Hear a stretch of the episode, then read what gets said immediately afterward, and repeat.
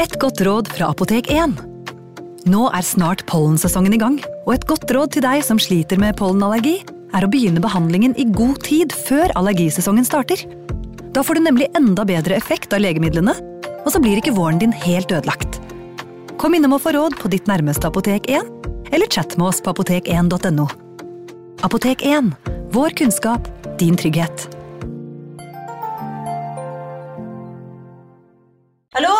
Jeg kommer fra Oslo politikammer. Ine Jansen er purk. Er du purk? The motherfucking bitch. Alt jeg vil, er å finne ut hva som skjedde med mannen min. Jon Carew. Er jeg sikta for noe? Iben Akeli. Det er du. Ole So, Lars Berrum og Big Daddy Karsten. Hvem sin side er du på, egentlig? Anette Hoff, Tone Danielsen, Kommer du fra Afrika? Jørnis Josef, Nesten kløfta. Trond Espen Seim, Det er synd å si det, men det var feil mann som døde. Purk. Premiere tirsdag på TV2 Play. Ungsamtalen fra DNB er økonomisk veiledning tilpasset deg som er ung. Bokk en ungsamtale på dnb.no. slash ung. Det er kjempebra hvis du skal inn på boligmarkedet, hvis det er drømmen din, liksom. Det er det du skulle sagt. Og så kunne du ropt litt mer, da, sånn som jeg gjorde. Bam! Advarsel. Denne podkasten inneholder skildringer av ekte drap og kriminalsaker som kan være støtende for enkelte. Det advares også mot sterke inntrykk i deler av episoden. Det var en iskald januarkveld i 1979 i delstaten Washington, og 41 år gamle Howard Altonian trampet inn i oppgangen mens han ristet av seg kulden. Tidligere den kvelden hadde han spist middag sammen med sin kone Marsha før Howard bestemte seg for å se en sen kinofilm. Klokken var blitt ett om natten før han endelig var hjemme. Nå ventet han å finne Marsha i sengen, men den var tom. Dette var ikke helt uvanlig. Paret hadde en rekke venner i leilighetskomplekset, og det skulle ikke forundre ham om hun var hos en av dem. Howard stelte seg for kvelden, men han ville ikke legge seg før Marsha var hjemme. Derfor satte han seg i en stol i stuen og ventet. Likevel skulle timene gå uten noen tegn til Marsha noe sted. Kanskje Marsha ikke hadde besøkt naboene likevel? Howard begynte å bli bekymret og bestemte seg for å lete etter henne, og han visste nøyaktig hvor han skulle begynne. Marsha hadde en tendens til å besøke den lokale kirkegården når hun trengte tid for seg selv. Der kunne hun vandre i fred og ro og drodle over sine egne tanker og problemer. Som en spirituell kvinne var kirkegården et fredelig sted for henne. Howard kledde på seg igjen og vandret ut i kulden på ny. Han håpet Marsha bare hadde glemt tiden, for han var på ingen måte stemt for noen leteaksjon i den iskalde natten. Kirkegården lå bare et lite stykke unna, og Howard pakket seg godt inn i vinterjakken sin mens han gikk gjennom de store smijernsportene. Vel inne på den digre kirkegården vandret han mellom gravstøttene mens han ropte på Marsha, men fikk ikke noe svar. Likevel ga han ikke opp. Han lette og ropte og ropte og lette til han var blitt blå på fingrene av kulden, men da ingenting dukket opp, bestemte han seg for å dra hjem igjen. Kanskje Marsha hadde kommet hjem mens han var ute, og at de bare hadde unngått hverandre. Nok en gang trampet han snøen av seg i trappen før han låste seg inn i leiligheten, men der var det like tomt som tidligere. Marsha hadde ikke kommet hjem, og Howard ante ikke hvor hun kunne være. Da morgenen opprant og det fremdeles ikke var noen tegn til henne, ringte Howard til politiet. Han håpet de snart ville spore henne opp, men fryktet det verste, at han aldri ville se Marsha igjen. Velkommen til True Crime Podden.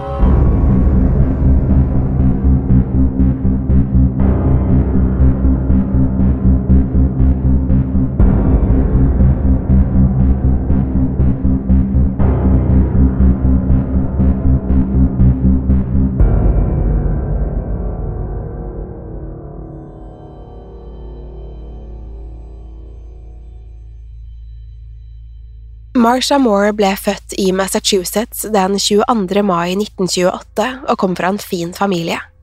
Sammen med sine foreldre og tre søsken bodde hun i Cambridge utenfor Boston, hvor hun fikk en god oppvekst. Foreldrene var svært opptatt av litteratur og språk, og lærte barna alt de kunne. Marshas far Robert hadde gått på Harvard og skulle senere etablere en av de store hotellkjedene i verden, Sheraton Hotels. Moren Eleanor var illustratør og en ivrig esoterist. Hun var altså langt mer spirituell enn sin ektemann, som var akademiker. Likevel viste også Robert interesse for det åndelige, og familien hadde bygget sitt eget meditasjonssenter i California. Roberts suksess i forretningsbransjen betydde at familien levde et komfortabelt liv. Barna skulle ikke mangle noe i oppveksten, og nøt goder som andre på 30- og 40-tallet bare kunne drømme om. For Marsha betydde det at hun kunne finne seg selv uforstyrret og bli den hun hadde lyst til å være. Etter hvert som hun ble eldre, skulle også hun begynne å interessere seg for det åndelige og spirituelle. Hun ble spesielt opptatt av yoga og tilbrakte mye tid på familiens meditasjonssenter. Det var også gjennom denne interessen at Marsha skulle møte sin første ektemann, Simmons Roof. De to hadde giftet seg i 1947 og skulle få tre barn sammen. De første åtte årene av ekteskapet bodde de i nærheten av Marshas familie, men i 1955 flyttet de til India. Her håpet de å komme i kontakt med andre åndelige verdener og få en bedre forståelse av både små og store trosretninger. Det var her Marsha skulle bli spesielt interessert i hypnose. Marsha var først og fremst opptatt av å hypnotisere seg selv da hun prøvde å oppnå kontakt med sine tidligere inkarnasjoner. Det var i alle fall det Marsha selv trodde. Da hun og Simmons reiste tilbake til USA i 1957, ønsket hun å fortsette å utforske det skjulte og ukjente. Hun meldte seg opp til studier ved Radcliffe College, hvor hun studerte astrologi. Mens hun studerte, ble hun også opptatt av det okkulte, og fortsatte å fokusere på reinkarnasjon. Hun ble uteksaminert i 1960 etter å ha skrevet hovedoppgaven sin om astrologi.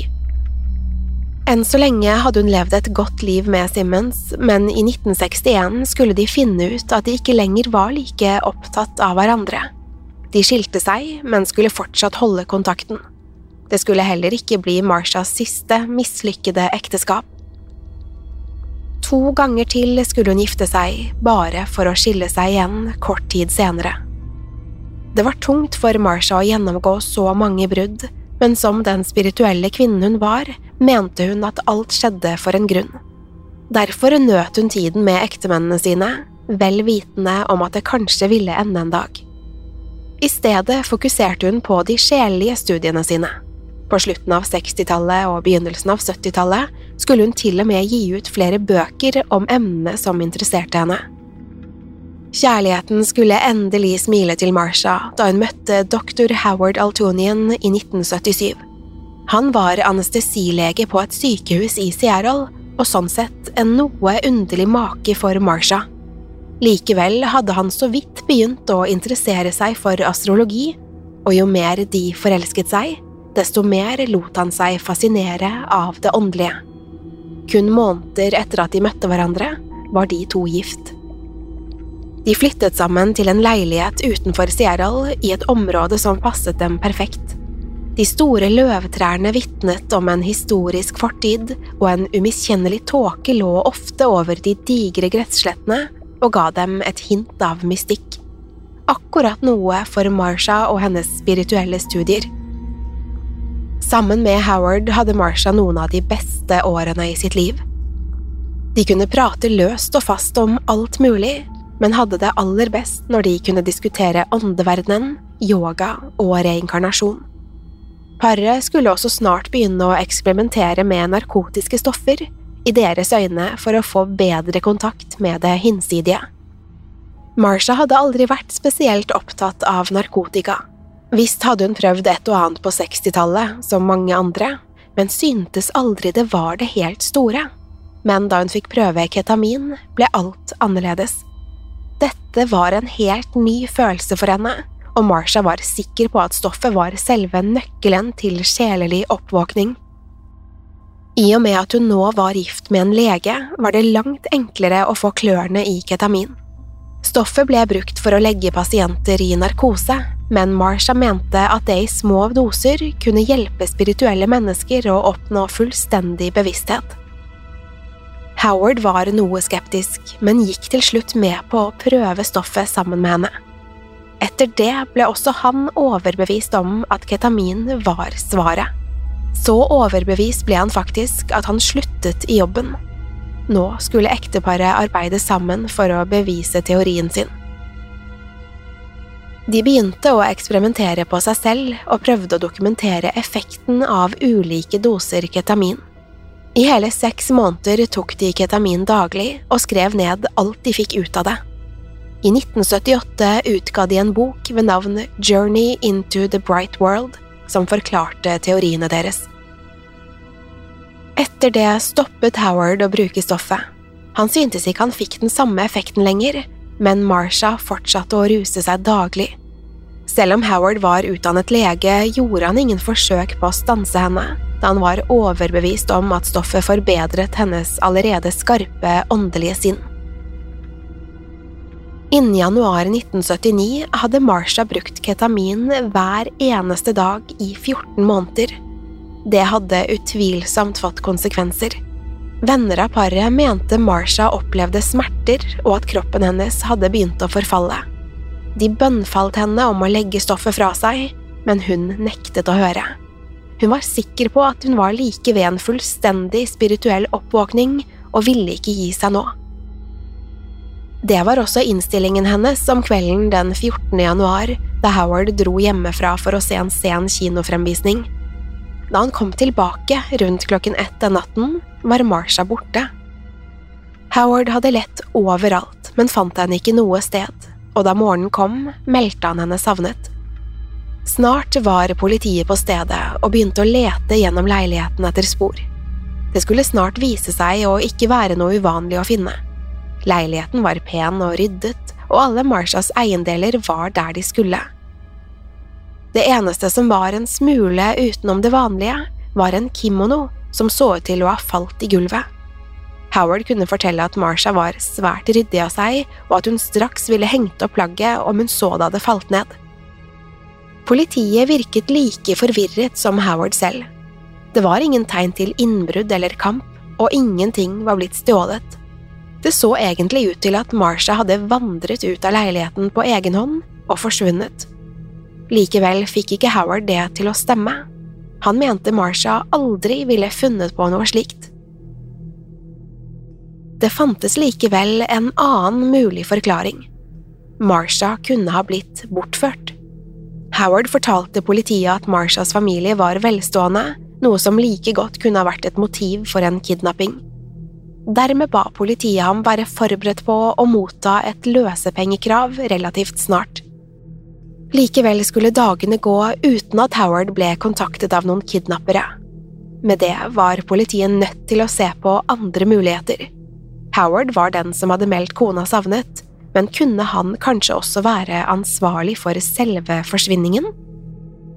Nok en gang ble leiligheten gjennomsøkt etter noe som kunne koble Howard til Marshas forsvinning. Likevel skulle også dette være forgjeves. Vitner kunne bekrefte at Howard hadde vært på kino den kvelden, og ingenting av interesse ble funnet i leiligheten.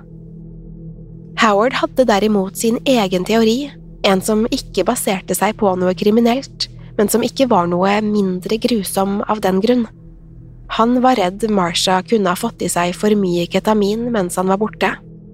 For store doser av stoffet kunne føre til forvirring hos pasienten, så det var ikke utenkelig at ketaminen hadde gjort henne desorientert nok til å forlate leiligheten. Det var likevel et problem med denne teorien også. Selv om den forklarte mye, ville det vært merkelig at ingen hadde sett Marsha i nabolaget eller i byen. En kvinne høy på narkotika, kavende rundt i full forvirring, var nødt til å vekke oppsikt. Dessuten kunne hun ikke ha kommet spesielt langt om hun bare hadde vandret ut i en tåke. Uten et lik eller noe annet som kunne si noe om hvor Marsha hadde tatt veien, var politiet nødt til å vurdere de verst tenkelige scenarioene. Om Marsha hadde forlatt leiligheten på egen hånd, kunne det være at hun ikke ønsket å bli funnet. Enten hadde hun stukket av for å starte på nytt, eller så hadde hun begått selvmord et eller annet sted langt unna. Politiet spurte ut Howard om selvmordsteorien, men han nektet å tro at Marsha ville tatt sitt eget liv. Han mente selvmord strittet imot Marshas egen tro. Marsha, som trodde på reinkarnasjon, mente at hvis man tok sitt eget liv, ville man leve det samme livet om igjen, med alle de samme hendelsene. Dermed ville Marsha aldri funnet på å begå selvmord.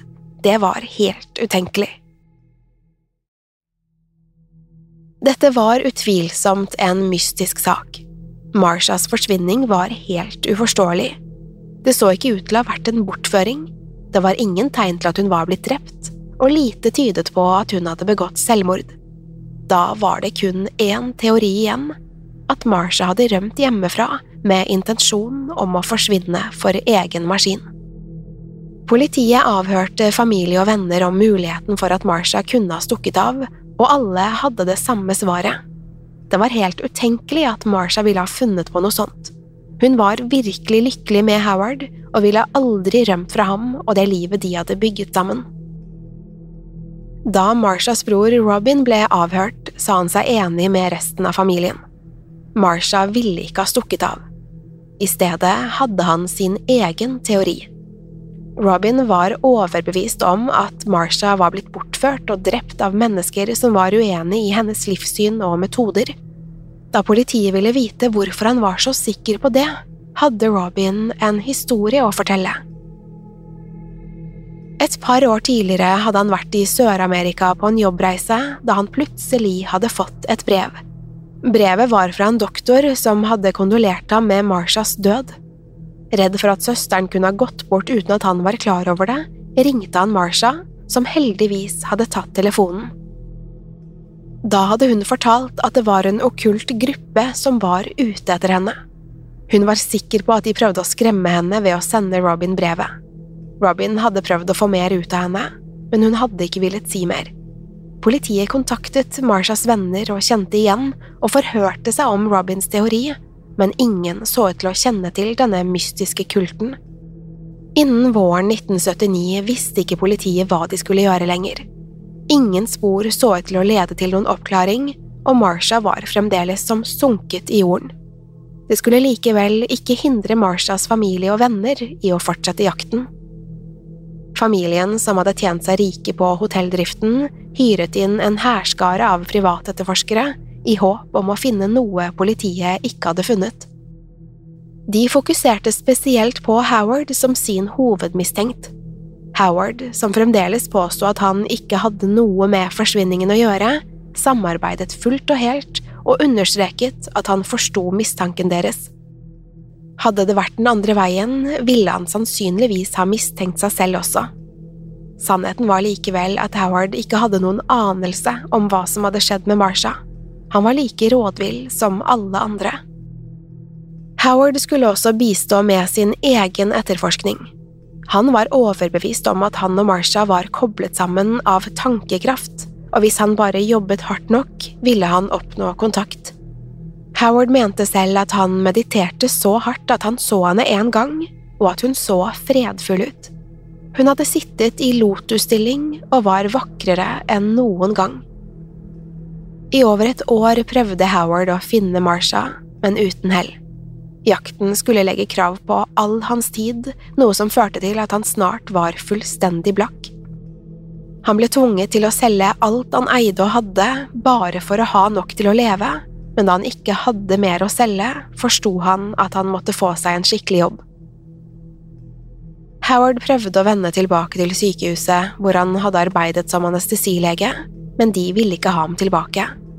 Etter alt som hadde skjedd, både med Marshas forsvinning og ketaminforskningen deres, var han uønsket på sykehus over hele nordvestkysten.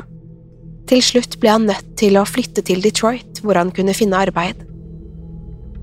Imens skulle årene gå, og saken om Marsha Moores forsvinning kom ingen vei. Politiet var i ferd med å gi helt opp, og familiens privatetterforskere tok på seg nye oppdrag. Hele saken holdt på å bli glemt, helt til våren 1981, da noe plutselig skulle dukke opp. På en eiendom mindre enn 25 km fra der Marsha og Howard pleide å bo, hadde to menn snublet over noe helt spesielt. Politiet ble tilkalt, og snart ble det klart at det mennene hadde funnet, var en hodeskalle. Like i nærheten fant de flere beinfragmenter, men noe fullkomment lik var ikke å finne. Uten flere spor rettet de oppmerksomheten mot hodeskallen, som så ut til å ha et digert, sirkulært hull i seg, muligens fra en pistolkule. De kunne likevel ikke være helt sikre, da hodeskallen hadde ligget ute i lang tid, og hullet kunne simpelthen være et resultat av eksponering for vær og vind. Selv om de ikke var sikre på hullet, kunne de i det minste sende skallen til identifikasjon. Den hadde fremdeles alle tennene intakte, og de kunne sammenlignes med tannlegejournaler. Snart ble det åpenbart at hodeskallen hadde tilhørt ingen andre enn Marsha Moore. Nå hadde familien i det minste noe å begrave. Funnet av hodeskallen skulle likevel bare skape mer forvirring og usikkerhet.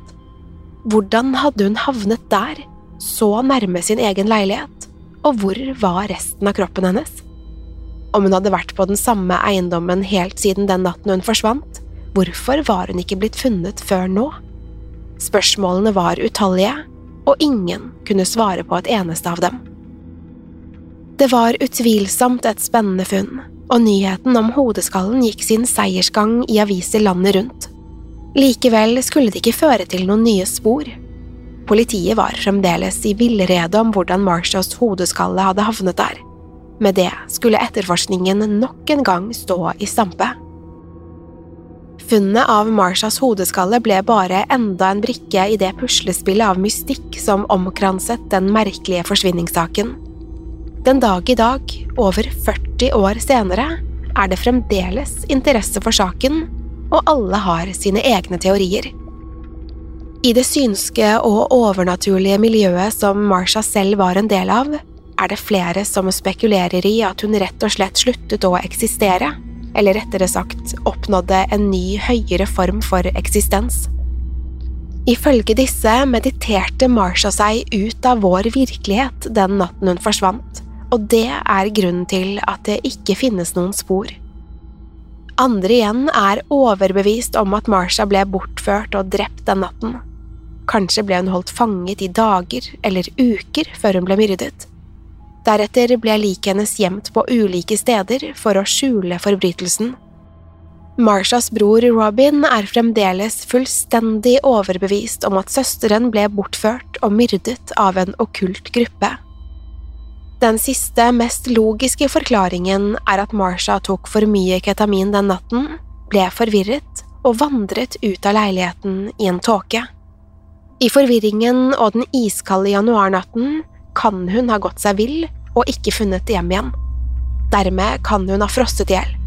At det kun ble funnet en hodeskalle og noen få beinrester på eiendommen, kan tyde på at rovdyr har forsynt seg av Marshas lik.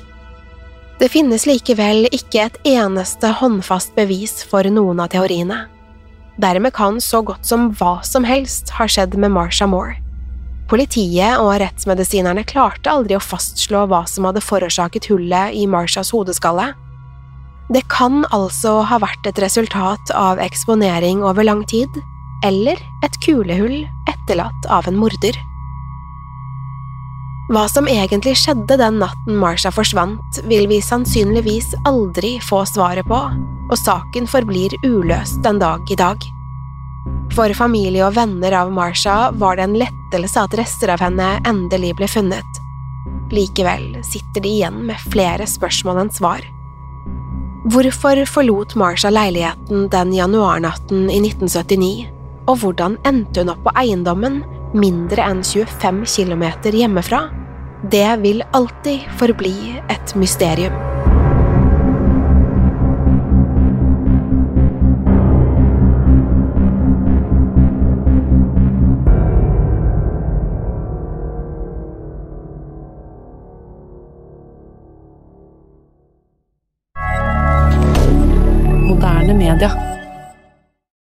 Har du et enkeltpersonforetak eller en liten bedrift? Da er du sikkert lei av å høre meg snakke om hvor enkelt det er med kvitteringer og bilag i fiken, så vi eh, gir oss her, vi. Fordi vi liker enkelt. Fiken superenkelt regnskap.